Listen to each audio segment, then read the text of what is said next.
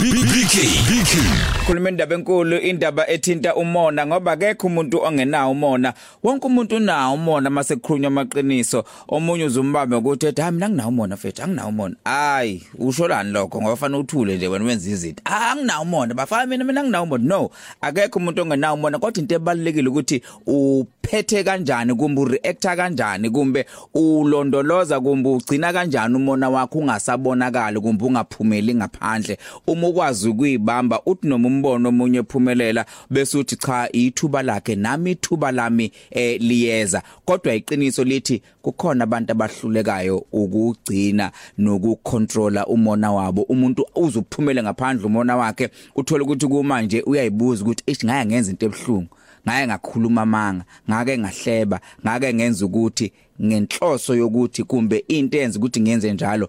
Ingoba nganginomona ngibona ukuthi usibanibani uyaphumelela ngibona ukuthi usibanibani useyithengile imoto ngakhuluma ngabe ngathi ngathi ngadliwa ngibona ukuthi usibanibani uyithengile ifurniture ngakhuluma kabe ngathi ngadliwa ngibona izingane ngasibanibani ikhuluma zikhula kahle ngakhuluma kabe ngathi ngathi ngadla ama drugs noma zingakhulelwa. Izinto lezi ozisho kwena ngaphakathi ziphile. Ugcine uzusuzenza ngoba kuthiwa umona usuke ehlweni eh ugcine uye enhlizweni ugcine sewenza izinto zimbi bese bethi abantu umthakathi mhlawumbe akaqala ukuphatha umuthi kodwa ngaphakathi kwena kubhlungu ngaphakathi kwena ubopha abantu eh ubopha izingane zabantu ubopha omakhelwane ubopha abantu osebenza nabo. Ngenxa nje yomona. Mm ake sizwe. Hi BK ngazwayithinta indaba enkulu. Nami ndomunye onomona. Kuyenzeka nibe nomona mangibona umuntu enento endingenayo. Kodwa hayi kubo andinawo umona kubo bonke abantu. Kodwa nje umona into ekhona into futhi nami engingayithanda engazi ukuthi ndingayisusa kanjani.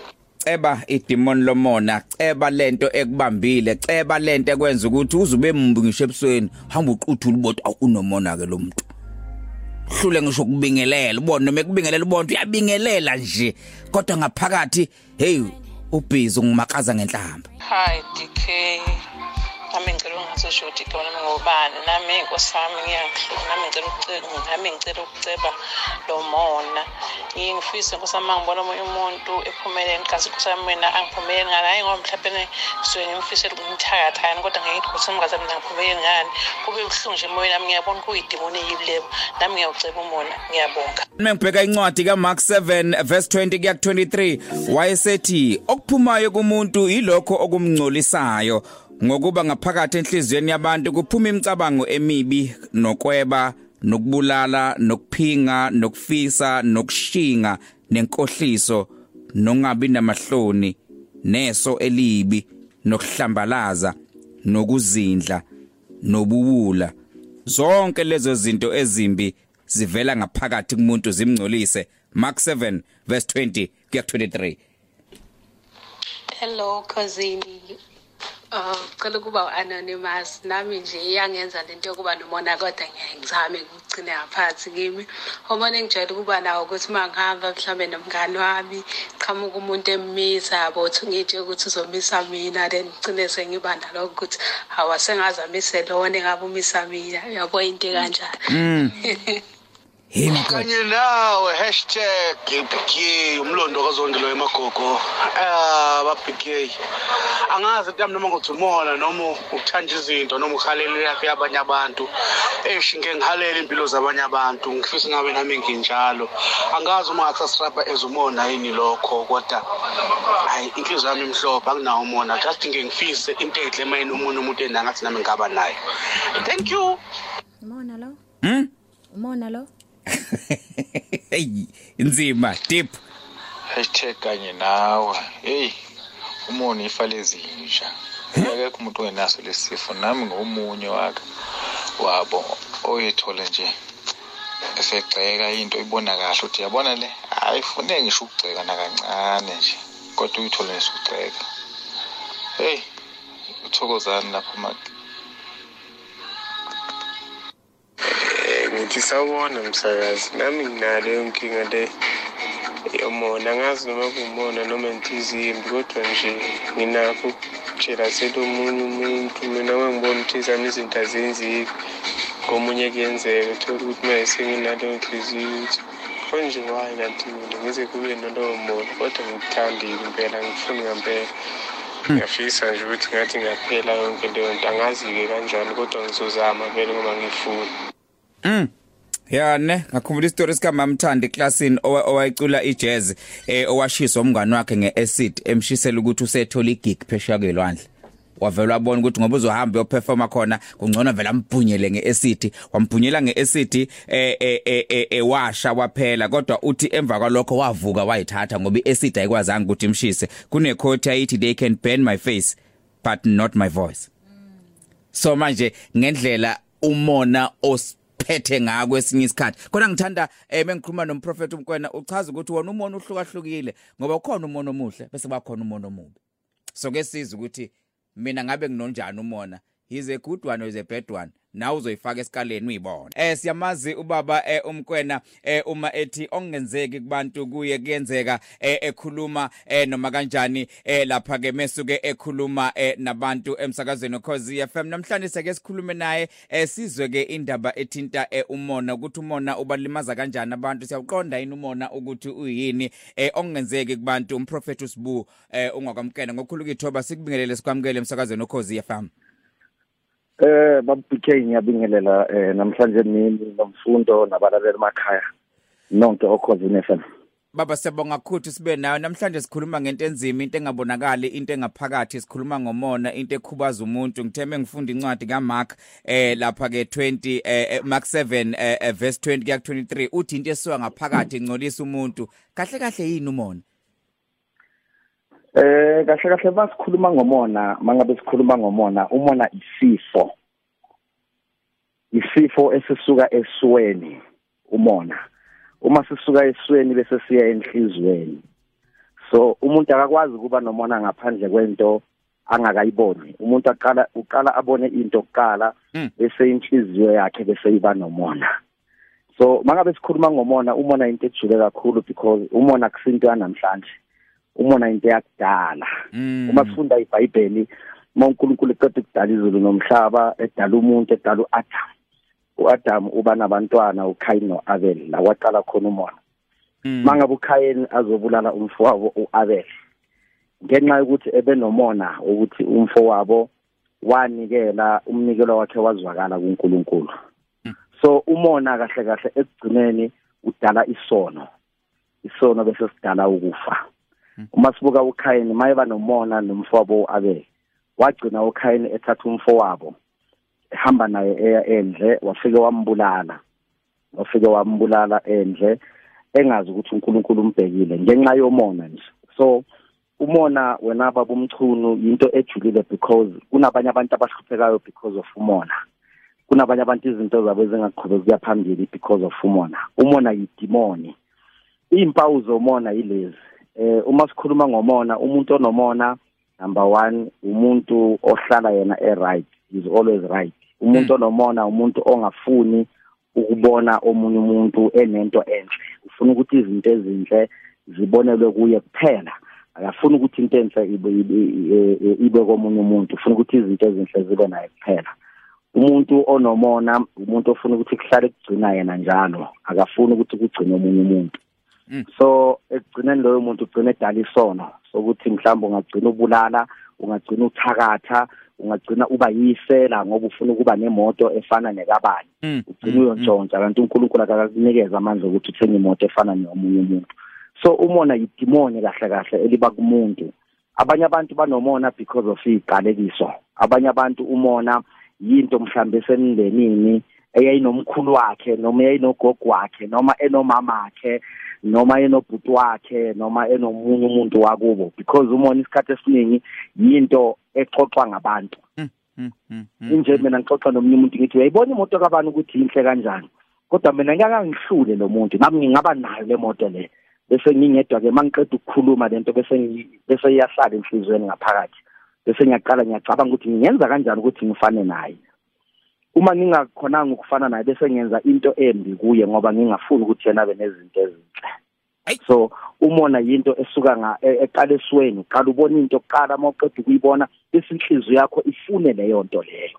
So idimoni kahle kahle umona but idimoni elibi ngoba ligcina lidala ukufa eh ligcina lenza ukuthi umuntu egcine enza isono umuntu agcine eqhelelana noNkulunkulu uNkulunkulu abesebamba izibusiso zakho kumele ngabe ukunikeza zona. Yingoba wena ube nomona ukuthi uNkulunkulu ubusisa omunye umuntu kuqala kunawe? Kanti lesikhathi uba nomona wazi wena ukuthi uNkulunkulu mhlawumbe ubezokubusisa okundlula loyo muntu. Bese wena uba nomona ufuna ukuthi leyo muntu ezakhe izinto zingaqhubeki ukuya phambili. Kanti ngabe wena ulindile kwafike sakhe isikhathi esokuthi uNkulunkulu nawe akubusise ilento bengisho eh, oyishoyo baba ukuthi umuntu engagcina sephambuka kweyakhe indlela nempilo kumele ayiphile ngoba usebhizi ugadene nomunye umuntu ukuthi wenzani eh ngasikhatsini agcina khohlwa ukuthi anake izingane zakhe akhulekele izingane zakhe kodwa akhulekele ukuwa nokushona phansi kwabanye abantu. Abanye abantu kunokuthi bakhulekele izingane zabo baxoxa nazi izingane zabo. Ukuthi uyambona umntwana kamakhelwane ukuthi unjani mina nilindeni. Uyambona umntwana kabani bani ukuthi unjani? And then leyo nto leyo idala umona kubantwana ukuthi umama uthe ubani ungcono kunami? Noma nyathi umama uthe ubani ungcono kunami? So bese umntwana ungena umona kuye. Kanti yena bekanganawo umona yena kodwa umzali ofake leyo nhliziyo embi ukuthi umuntu abe nomona. Umuntu onomona uba nenhliziyo embi esikhathini esiningi because umuntu olomona kwesinye isikhathi eh akafisi ukuthi lo muntu ophumelele kunaye aphile kodwa ufuna omunye umuntu ewile. Okay mhlambe ke masikhuluma ngomona sikhuluma ngento kwesinye isikhathi esuka nakubazali bethu nabo baba baba nesandla sokuthi aba sibe nomona noma abantu babe nomona. Uma sigoqa babunkwena sithini umuntu othi ngiyadinga ukusuka kumona? Eh ngiyadinga ukuthi nami ngibe nendlela yokudila nomona noma ukhona ngaphakathi kodwa uNkulunkulu angisiza angipha amandla ukuthi ungaveli eh ungabonakali. Iziphi izinto engazenza mhlambe even spiritually eh ngokuthandaza mhlambe engakwazi ukuthi zingisize ngikwazi ukuthi umona wami ungabonakali. Eh umona umona idemoni wona baba umchumo so in order for you ukuthi survive le demon ukuthi uthandaze nje uthandazele impumelelo yakho uthandazele impilo yakho kodwa ungabheki impilo yomunye umuntu. And then omunye umuntu ufisa ukufana naye kodwa ungabi nomona ngezinto anazo. Ngeke ngathi mangikhuluma nawe kuseni ngathi kuwe ukhona umona all right mm. Kunabanye abantu ababa ababa ukuthi eshiyazi ngiyafisa ukufana nobani but ngendlela e right not ukuthi yena sengimfune kuyile ingoba mina ngifuna ukufana naye. So you, you just have to pray umona idemoni kahle kahle. Into ehlala kumuntu ibe idemoni yakhe inzondo umuntu onomona unenzondo. Umuntu onomona akabathanda abantu abaphumelele kunaye. Umuntu onomona akamfuni umuntu ophumelelayo so umona uyidemoni that's why every day kuseni mangabe uvuka you have to pray. Ucele kuNkulunkulu ukuthi uNkulunkulu langa nami namhlanje ngicela ukuthi lenze libe libe lihle or ulenze ukuthi ngithole ezinye izinto ukuthi angakazitholi. So to avoid idemon lomona idemon lomona you just have to pray ukuthi lelo demon lingakubambi ukuthi lelo demon lisuke kuwe. Ayikho into ehlula ukukhuleka ayikho into ehlula umthandazo. Baba ukhuluma ngeprayer ngeke sikiyeke ungasho ukuthi okungenzeki kubantu kuye kuyenzeka sixosha siqeda silwa nedemoni eliyisitha nelibambezela abantu ukuthi bengaphumeleli. Sicela ukuvala ngawo lo mkhuleko othi wena abantu abawukhuleke mebevuka ekseni ngiyathandaza njengamanje eh, eh baba umchuno ngiyacela ukuthi bonke abalaleli wonke umuntu olalele eh, eh njengamanje umsakazi abambe nje esifubeni sakhe la kunenhliziyo khona. Bese ngiyathandaza ngilikhulekele le demon lomona ukuthi uNkulunkulu namhlanje mangabe nawe le demon lomona liyakubamba namhlanje lisuke le demon ukuze izinto zakho ziqhubeke ukuya phambili ukuze le demon lingahluphekisi ngisho abantwana bakho lingahluphekisi umndeni wakho. Baba namhlanje nini? Uthe kungenzeki kubantu kodwa wathi kuwe kuyenzeka. Uthe mangabe sesithinta igama lakho zonke izinto ziyenzeka. uNkulunkulu wethu namandla njengamanje likhulekela bonke abantu eSouth Africa. uNkulunkulu wethu abanedimoni ababanjwa idimoni lomona le dimoni libi uNkulunkulu wethu ngoba lidala ukufa lidala ukuthi umuntu enze isono. uNkulunkulu wethu njengoba bebambe inhliziyo zabo namhlanje ngena enhlizweni zabo ngena empilweni zabo uNkulunkulu wethu ulisuse leli dimoni. Kunalokho uNkulunkulu wethu ubaphumelelise ubenze kahle. Ngegama lika Jesu waseNazaretha elachitheka esiphambanweni uNkulunkulu wethu igazi lakho linamandla. Uthe wena noma ngabe zibovu izono uyakuzihlanza. Uthe wena noma ngabe zingakanani izono uyakuzihlanza. uNkulunkulu wethu baxolele bonke. Moya wengcwele abenzile izono ngenxa yomona. Egameni lakho uNkulunkulu wethu bazozalwa kabusha namhlanje kusuka namhlanje.